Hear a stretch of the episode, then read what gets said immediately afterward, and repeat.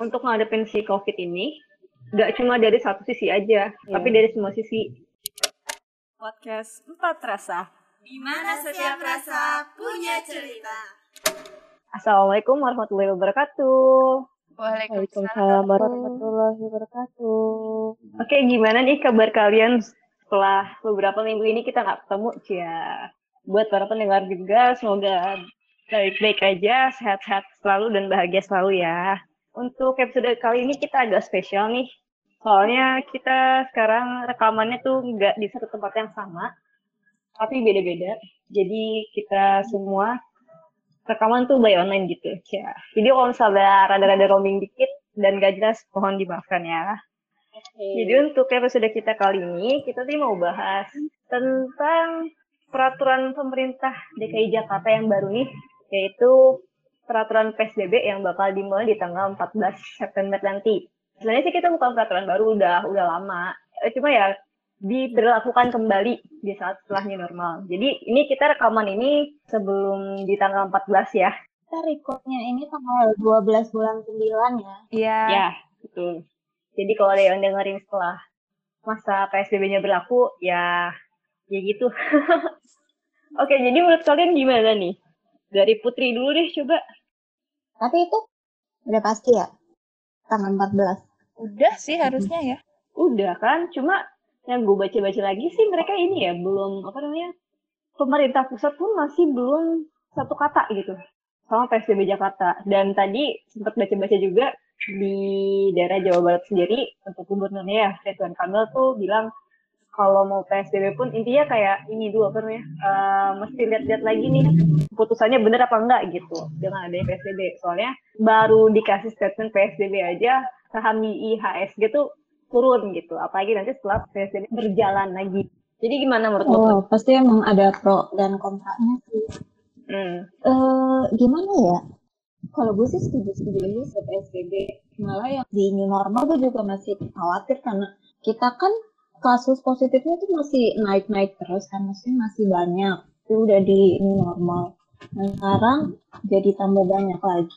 Terus ada PSBB lagi. Sebenarnya sih kata gue masih PSBB pun dari kemarin kan. Cuma kan emang ya mau gimana lagi kalau masalah ekonomi kan yang nggak bisa dibohongin ya. Nah justru itu kan uh, maksudnya di masalah PSBB ini kan kita kebentur lagi sama masalah ekonominya ya. Karena banyak banget di Jakarta para pekerja-pekerja itu pekerja harian. Yang di mana kalau mereka sehari nggak kerja ya mereka sehari nggak dapat uang gitu kan.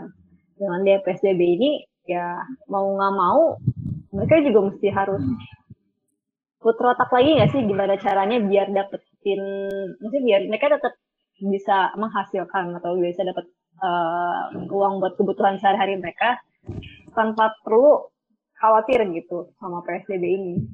Menurut lo gimana deh? Ya sama sih kayak Putri gue setuju-setuju aja. Cuma di sisi lainnya gue sedih aja sih. Maksudnya eh, sebelumnya kayak udah ada sedikit harapan nih kalau eh, bakal normal lagi. Cuma ternyata akhirnya harus PSBB lagi. Yang gue tahu juga kan baru belum lama eh, kayak tempat tempat makan baru pada eh, buka restoran, tapi sekarang harus pada tutup lagi gitu sih. Sedih aja sih sama yang usaha kecil-kecil juga. Eh, kemarin juga nyokap cerita dia eh, nyokap kan jualan di pasar kayak "Nah, sekarang sih pasar makin lama makin sepi gitu. Kasian sih. Sedih aja. Jadi kalau Dewi masih setuju-setuju aja lah ya ada PSBB. Cuma ya tetap merasa empati gitu ya, simpati sama orang-orang yang mungkin terhalang karena PSBB ini gitu. Iya. Kalau serba Sally salah. sendiri gimana Sel? Kenapa? Iya serba salah sih maksudnya. Kalau Sally sendiri gimana Sel? Sebagai anak Tangerang. Kalau gue sih ya repotnya ya transportasi sih masalah transportasi, transportasi karena kan gue kerjanya kayak beda provinsi gitu ya. Tapi gue juga setuju sih kalau emang aturannya PSBB lebih baik kayak gitu. Gue percaya sih kalau pemerintah itu pasti ngasih yang terbaik lah buat warganya. Iya setuju sih sama. Kita mau nanya deh, kan lo kerjanya di luar kota nih ya? Maksudnya bukan di daerah Ah. Jakarta kan? Dengan PSBB Jakarta ini sendiri, ini lo ter, apa, agak terganggu gak sih sama kerjaan lo di sana? Karena maksudnya kan Terganggu kan. kalau- Mhm. dia kan kan yang yang PSBB kan Jakarta nih gitu kan lo di Tangerang Iya. gitu misalnya gitu kan jadi Hmm. eh, terganggu itu selain dari segi transportasi yang lo bilang tadi tuh emang transportasi itu terganggu kenapa Iya kan karena biasanya kalau PSBB transportasi ter- terbatas ya Ri. Oh, Terus oke, biasanya kan ya. semo- semobil biasanya kan bisa full, terus gak full. Biasanya ongkos juga naik tuh. Di ongkos juga sih beban. Ongkosnya bisa naik berapa kali? Biasanya kan biasanya contoh cuma sepuluh ribu, nanti bisa naik lima belas ribu gitu. Oh Terus jadi transportasi juga biasanya kan kita nunggu sebentar karena transportasi terbatas kita kan agak lama nunggu jadi kita harus pagi-pagi banget posting dapat siang banget gitu. Oh gitu. Jadi lu oh oke iya sih benar-benar transportasi juga dibatasin ya jumlah penumpangnya ya. Iya, iya. Selain transportasi ada hal lain nggak yang apa mengganggu aktivitas keseharian lu? Gue sih masih rezekinya di transportasi sih. Kan gue biasa pengguna kayak online ya, kendaraan online. Kayak gitu kan kalau PSBB biasanya juga gimana gue belum tahu. Gue belum ngerti sih PSBB tanggal 14 September ini PSB- PSBB total itu gimana sistemnya? Apa masih bisa menggunakan kendaraan online kayak apa online Gojek gitu, kayak Grab gitu. Kan gue juga nggak tahu tuh. Itu juga mengganggu sih, karena gue juga pengguna online gitu. Iya, sampai sekarang belum ada info lebih lanjutnya lagi ya. Maksudnya PSBB Iya. ini tuh peraturannya detailnya tuh kayak gimana gitu. Gimana? eh, Jadi kalau menurut kalian nih, Kin, kalau misalnya kita memposisikan diri sebagai pekerja harian misalnya nih ya, langkah apa nih yang kita bakal kalian-kalian lakuin di masa PSBB kayak gini ya? Namanya pekerja harian kan kita tahu sendiri kan, kayak sehari kalau dia nggak kerja ya dia nggak bisa uh, memenuhi kebutuhan hidupnya gitu. Kalau menurut kalian nih apa nih yang mungkin bisa jadi inspirasi?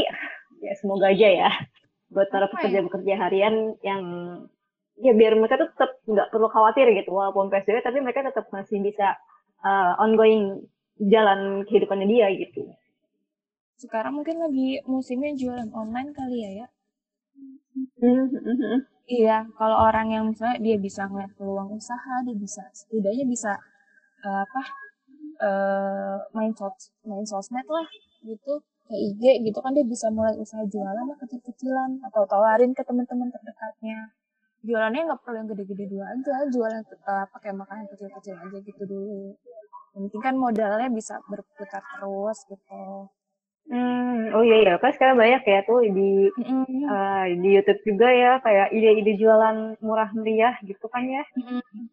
Terus juga kayaknya sekarang ada banyak artis ataupun telegram gitu sih dia jadi kayak punya campaign yang ngebantu buat para pedagang-pedagang kecil yang mau promoin usahanya di online gitu. Mereka kadang promoin tanpa minta bayaran. Itu gue pernah dengar ada beberapa kayak gitu.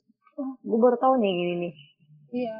Oh jadi ada beberapa selebritis yang memang membantu usaha kecil Hmm. untuk mempromosikan jualannya mereka secara online. Wah, keren keren keren keren banget sih tuh. Kalau anda Putri, bingung juga sih ya. Ini kalau misalnya pekerja harian kan ya kalau di posisi mereka ya aku nggak tahu lah mau ngapain. Kayak harus benar-benar berpikir harus muter otak gimana maksudnya ngenalin kita tuh bisanya apa apa yang bisa kita lakuin. Karena kan nggak semua orang tuh bisa ngelakuin kayak ini bisa loh sebenarnya gini-gini. Tapi kan buat orang lain belum tentu. Iya, Jadi baiknya- harus lebih harusnya. mikirin yang kira-kira dia bisa. gitu Oh jadi sih emang tapi kayaknya setelah PSBB juga kan jadi kayak coba ada yang jual makanan lah ada yang di IG ngapain lah gitu kan ada yang apa apa segala macam jadi ada yang baru-baru kayak gitu kan sebenarnya kalau berusaha sih mungkin ada jalan setuju nih gue sama ucapan Putri. Kalau mau usaha pasti ada jalan di situnya. Sally, saya gimana? ikut aja sih. Kayaknya Dewi sama Putri udah mewakili semuanya. Sudah mewakili dan sudah terjawab kan ya Sally ya? Iya, kita jawab. Menurut Oke, jadi kalian w- apa? apa? Uh, Kenapa, Dewi? nggak sih yang PSBB yang kali ini? Ah, efektif apa enggaknya? Ah, ah, Oh. iya. Hmm, agak Kalau yang bingung juga ini sih. kita belum belum jalanin ya, Deo. Mm-mm. Kalau yang bulan-bulan kemarin kayaknya kan agak lebih efek- efektif. Gak tau bener apa enggak, tapi kan gue lihat di apa kayak web DKI Jakarta tadinya zona merah jadi zona kuning kan berarti kan yang PSBB bulan-bulan kemarin efektif dong ternyata Hmm. setelah di new normal kan tambah banyak kan dan kalau efek efektif atau enggaknya kan kita juga nggak tahu nih nanti Hmm. Tergantung orangnya Tapi sih ya. ah ya, setuju benar kata Dewi.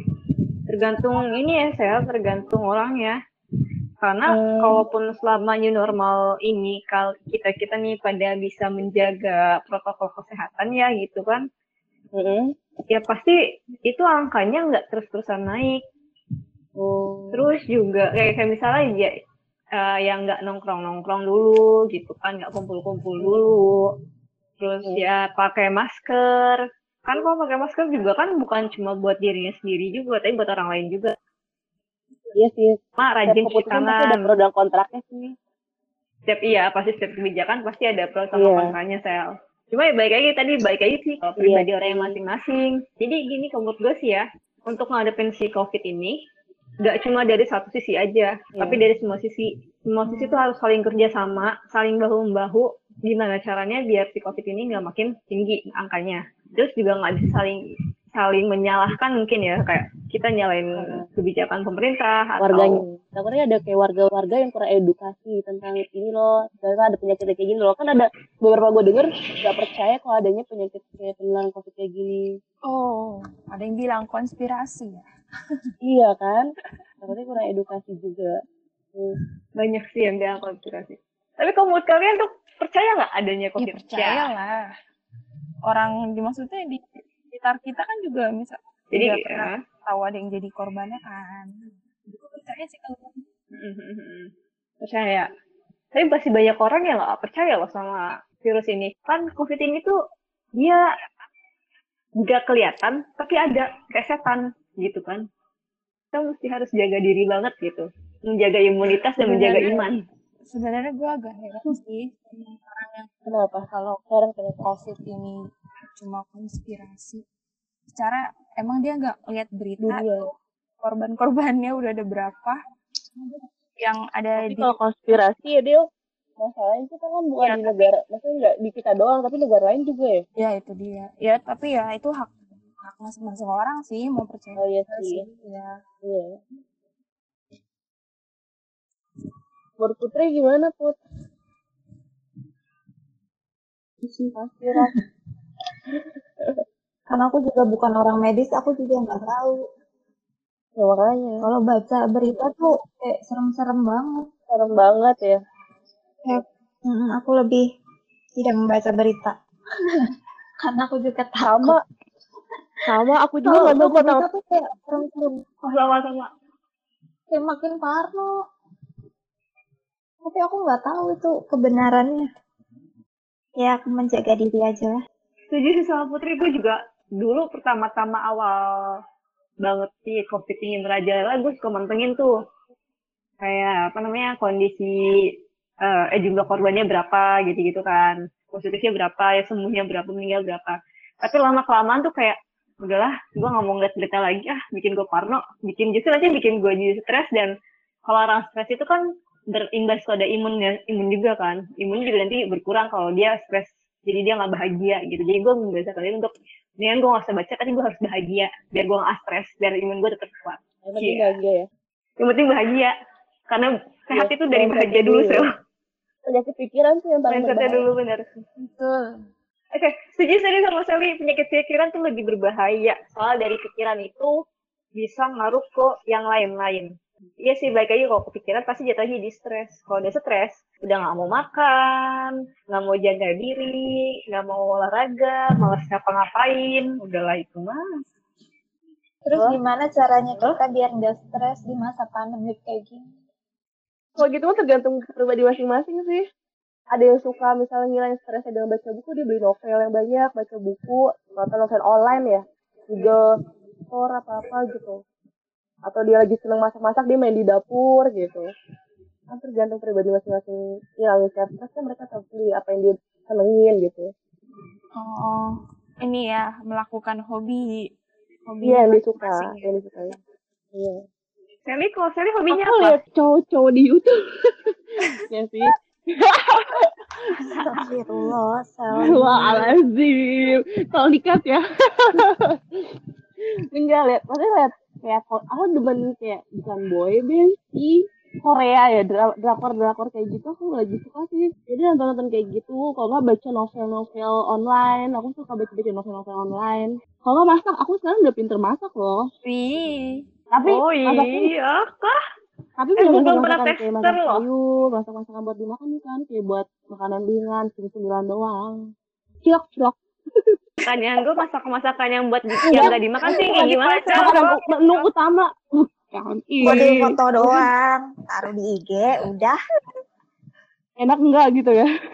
Yang penting foto ya. Iya, bukan menu menu makan utama. Terus coba cemilan.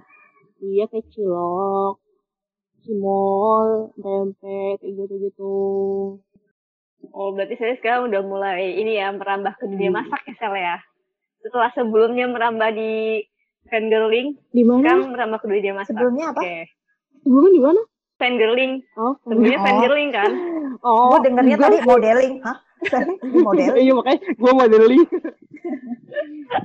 Gak nyangka gue di materi tinggi. Terus saya lo sama gue tuh 11 12. Gue yang 11 deh kayaknya lo yang 12 oh. Ih, si Dewi ketawa doang. Kalau lo Dewi ngapain nih? Emang Dewi, Dewi itu tim hore doang dia Gue sebenarnya. gak tau mau ngomong apa. Coba kalau Ria pribadi ngapain, Ri? Iya, Ria. Lo kalau di Ini gimana? gue biar gak stres ngelihat ini sih apa vlog orang traveling. Bisa, bisa, bisa. Jadi gue biasa kayak virtual jalan-jalan virtual nggak apa-apa lah gitu kan. Ya, seenggaknya gue bisa melihat dunia luar walaupun gue lagi ada di rumah gitu. Oh. Paling biar gak stres-stres banget ya cuma nonton Main YouTube, game. main Gue game, suka banget main game. terus paling baca novel. Emang menarik ya main game. Eh, main, Kenapa main game itu hmm, terlalu banyak pikiran gitu. Sama sih aku juga.